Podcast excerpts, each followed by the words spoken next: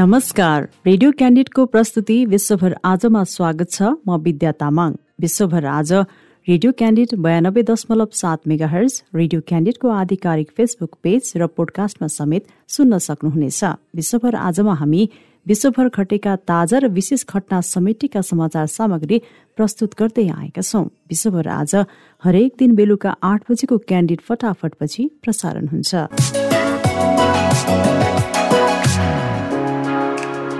विश्वभर आज भएका प्रमुख घटनाहरू जुन तपाईँले जान्न खोजिरहनु भएको वा जान्नै पर्ने केही विषय छ जुन घटनाहरू प्रस्तुत गर्दै हुनुहुन्छ सहकर्मी यमुना राणा र माधव तिमिल सिन्हा।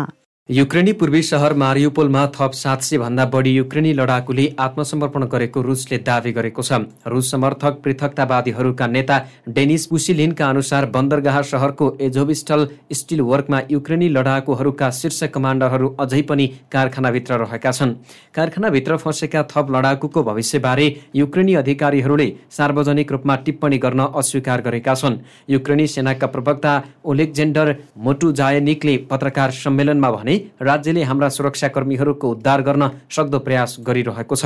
यसबारेमा थप सूचना सार्वजनिक गर्दा उनीहरूको उद्धार प्रक्रिया जोखिममा पर्ने उनले सङ्केत गरे। युक्रेनले आफ्ना दुई सय पचास लडाकुले आत्मसमर्पण गरेको बुधबार पुष्टि गरेको थियो। तर कारखानाभित्र अझै कति सेना छन् भन्ने बारेमा केही खुलाएको छैन। तत्कालीन अमेरिकी राष्ट्रपति डोनाल्ड ट्रम्पको कार्यकालमा चीनमाथि लगाएका केही करले उपभोक्ता र व्यवसायको हित अनुकूल नभएको एक अमेरिकी अधिकारीले बताएकी छन्। अमेरिकी ट्रेजरी सेक्रेटरी जेनेट एलेनले बुधबार भनिन् ट्रम्पको कार्यकालमा चीनमाथि लगाइएका केही करले उपभोक्ता र व्यवसायीको हितमा नरहेकोले बाइडेन प्रशासनले ती अतिरिक्त करलाई हटाउने सोच बनाएको छ। जर्मनीमा जी सेभेन राष्ट्रको वृत्त मन्त्रीहरूको बैठक अगाडि उनले भनिन् ती शुल्कहरूमध्ये केही उपभोक्ता र व्यवसायहरूमा बढी हानि गरे जस्तो देखिन्छ। चीनसँग भएका वास्तविक मुद्दाहरू समाधान गर्ने अर्थमा ती निर्णय धेरै रणनीतिक छैनन्। चाहे यो आपूर्ति श्रृङ्खला जोखिम राष्ट्रिय सुरक्षा मुद्दा वा अन्य अनुचित व्यापारिक अभ्यासहरूसँग सम्बन्धित हुन्। यो भनाइले अमेरिकी बाइडेन प्रशासन चीनसँगको व्यापार विवादमा केही लचिलो हुने सङ्केत गरेको छ। युक्रेनमा रुसको आक्रमणले आगामी महिनामा विश्वव्यापी खाद्यान्न अभाव हुन सक्ने राष्ट्रसङ्घले चेतावनी दिएको छ।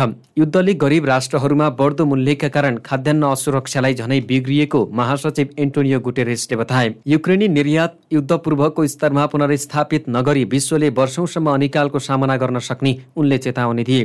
द्वन्द्वले युक्रेनको बन्दरगाहबाट आपूर्ति कटौती गरेको छ। युक्रेन बन्दरगाहबाट कुनै समय ठूलो मात्रामा सूर्यमुखी तेल र मकै र गहुँ जस्ता अनाजहरू निर्यात हुन्थे यसले विश्वव्यापी आपूर्ति घटाएको छ र वैकल्पिक सामग्रीहरूको मूल्य बढेको छ। राष्ट्रसङ्घका अनुसार गत वर्षको सोही अवधिको तुलनामा विश्वव्यापी खाद्यान्नको मूल्य झण्डै तीस प्रतिशत बढी छ। बुधबार न्युयोर्कमा बोल्दै गुटेरेसले द्वन्द्वका कारण लाखौँ मानिसलाई खाद्य असुरक्षामा फसाउने खतरा भएको बताएका छन्। युरोपेली आयोगले रुसी जीवाश्म इन्धनमा युरोपको निर्भरतालाई अन्त्य गर्ने योजना अघि सारेको छ। बेल्जियमको राजधानी ब्रसल्समा सम्बोधन गर्दै युरोपेली आयोगकी प्रमुख उर्सुला भोन्डेर लाइनले योजना घोषणा गरेकी हुन्। रुसले युरोपको चालिस प्रतिशत प्राकृतिक ग्यास र यसको आयातित तेलको सत्ताइस प्रतिशत आपूर्ति गर्दछ। बिबिसीका अनुसार ऊर्जा बेचेर रुसले युरोपबाट प्रति वर्ष करिब चार खर्ब युरो आमदानी गर्दै आएको छ। अब युरोपेली युनियनले हरित हरित ऊर्जामा तीव्रता दिने योजना बनाएको छ। रुसी ऊर्जा प्रयोग गरेर युक्रेनको युद्धमा सहयोग गरेको युनि युनियनमाथि आरोप लाग्दै आएको छ। बढ्दो ऊर्जा लागतले उपभोक्ताहरू र युरोपको व्यवसायमा वित्तीय दबाव पनि परेको बिबिसीले जनाएको छ।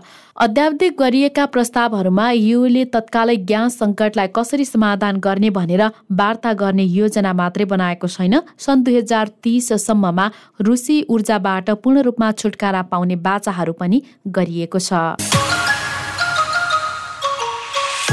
चीनको साङ्घाईमा कोरोनाको संक्रमण घटेको पाइएको छ। गएको चौबिस घण्टामा स्थानीय स्तरमै संक्रमित भएकाको संख्या बयासी मात्र रहेको छ। चिनिया अधिकारीहरूले दिएको जानकारी अनुसार गएको चौबिस घण्टामा साङ्घाई सहरमा संक्रमित व्यक्तिमध्ये बयासी जना स्थानीय स्तरमै संक्रमित भएकाहरू पाइएका छन्। उता बाहिरबाट सहर आएका अन्य संक्रमितहरू भने दुई सय त्रिसठी जना छन्। ती संक्रमितहरू विदेश तथा चीनका अरू सहरबाट आएको बताइएको छ। पछिल्लो केही दिनता कोरोना भाइरसका संक्रमितको संख्या केही मात्रामा घट्न थालेको पाइएको स्वास्थ्य अधिकारीहरूले जनाएका छन्। साङ्घाई म्युनिसिपल हेल्थ कमिसनले दिएको जानकारी अनुसार त्यहाँ तीन हप्ता अघि दैनिक कम्तीमा दुई हजारदेखि माथि नै पाइने गरेका संक्रमितहरूको संख्या अहिले घटेको छ।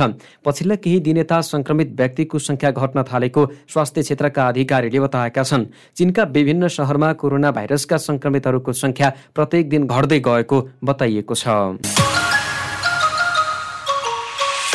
अफ्रिकी मुलुक क्यामरुनमा प्यालेस्टाइनका उन्नाइसजना कामदार अपहरणमा परेका छन्। सरकारी अधिकारीहरूले दिएको जानकारी अनुसार क्यामरुनको दुर्गम क्षेत्रमा ती कामदार अपहरणमा परेका हुन्। क्यामरुनको सुरक्षा निकायले दिएको जानकारी अनुसार मुलुकको दक्षिण पश्चिमी क्षेत्रमा कार्यरत उन्नाइसजना प्यालेस्टाइनी कामदारहरू अपहरणमा परेका हुन्। उनीहरू क्यामरुन विकास संस्थामा कार्यरत रहेको जनाइएको छ।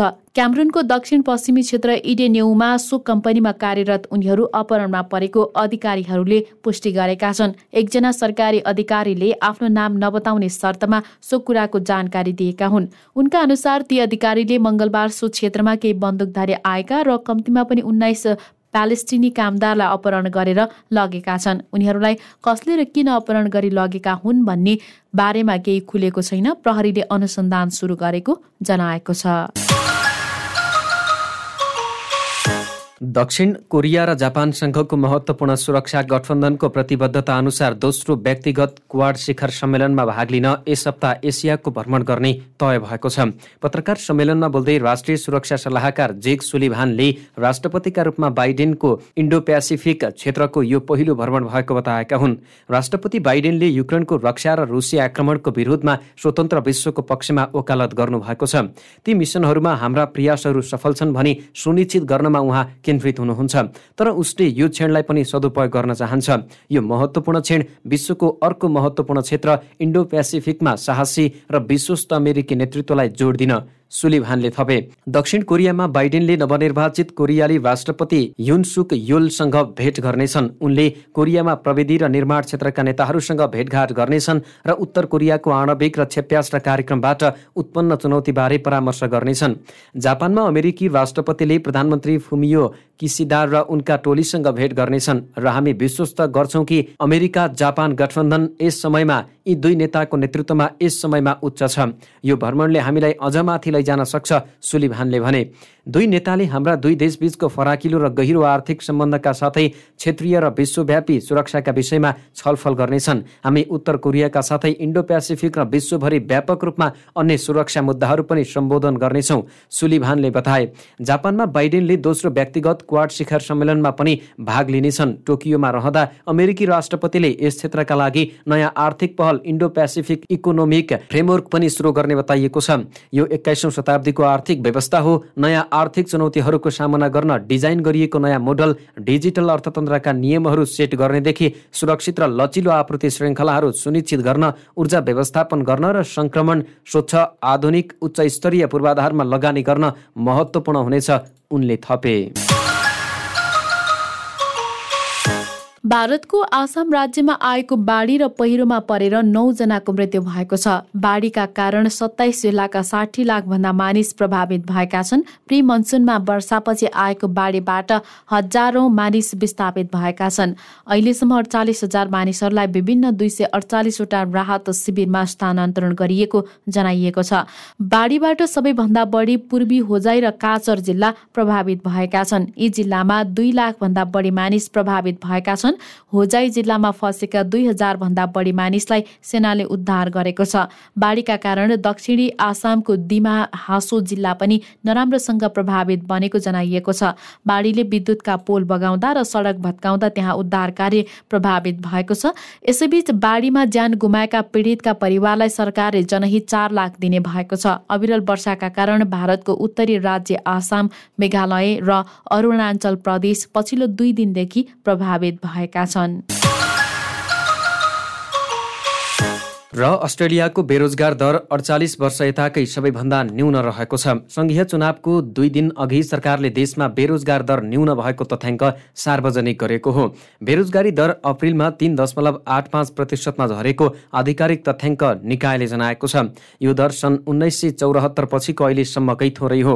अस्ट्रेलियाको अर्थतन्त्रले अप्रिलमा थप बयानब्बे हजार चार सय पूर्णकालीन रोजगारी सिर्जना गरेको अस्ट्रेलियाको तथ्याङ्क ब्युरोले जनाएको छ। यो अघिल्लो महिनाको तुलनामा तीन दशमलव नौ तिन प्रतिशतले कमी हो। धेरै रोजगारदाताहरू भन्छन् कि उनीहरूलाई कर्मचारी पाउनै गाह्रो भइरहेको छ। हामी पक्कै पनि कर्मचारी अभाव महसुस गरिरहेका छौँ सिडनी रेस्टुरेन्ट समूह एप्पल ज्याक हस्पिटालिटीका मानव संसाधन प्रबन्धक म्याट जेनकिन्सले भने। प्रस्तुतिमा हुनुहुन्थ्यो यमुना राणा र माधव तिमिल विश्व गतिविधि रेडियो क्यान्डिडको दैनिक प्रस्तुति हो। तपाईँले रेडियो क्यान्डिडको वेबसाइट आधिकारिक फेसबुक पेज र पोडकास्टमा समेत सुन्न सक्नुहुनेछ। सँगै खबर हब डट कममा पनि विश्व गतिविधि पढ्न सक्नुहुनेछ। भोलि फेरि यसै समयमा विश्व गतिविधि बुलेटिन लिएर उपस्थित हुनेछौ। आजलाई भने बिदा दिनुहोस्। नमस्कार।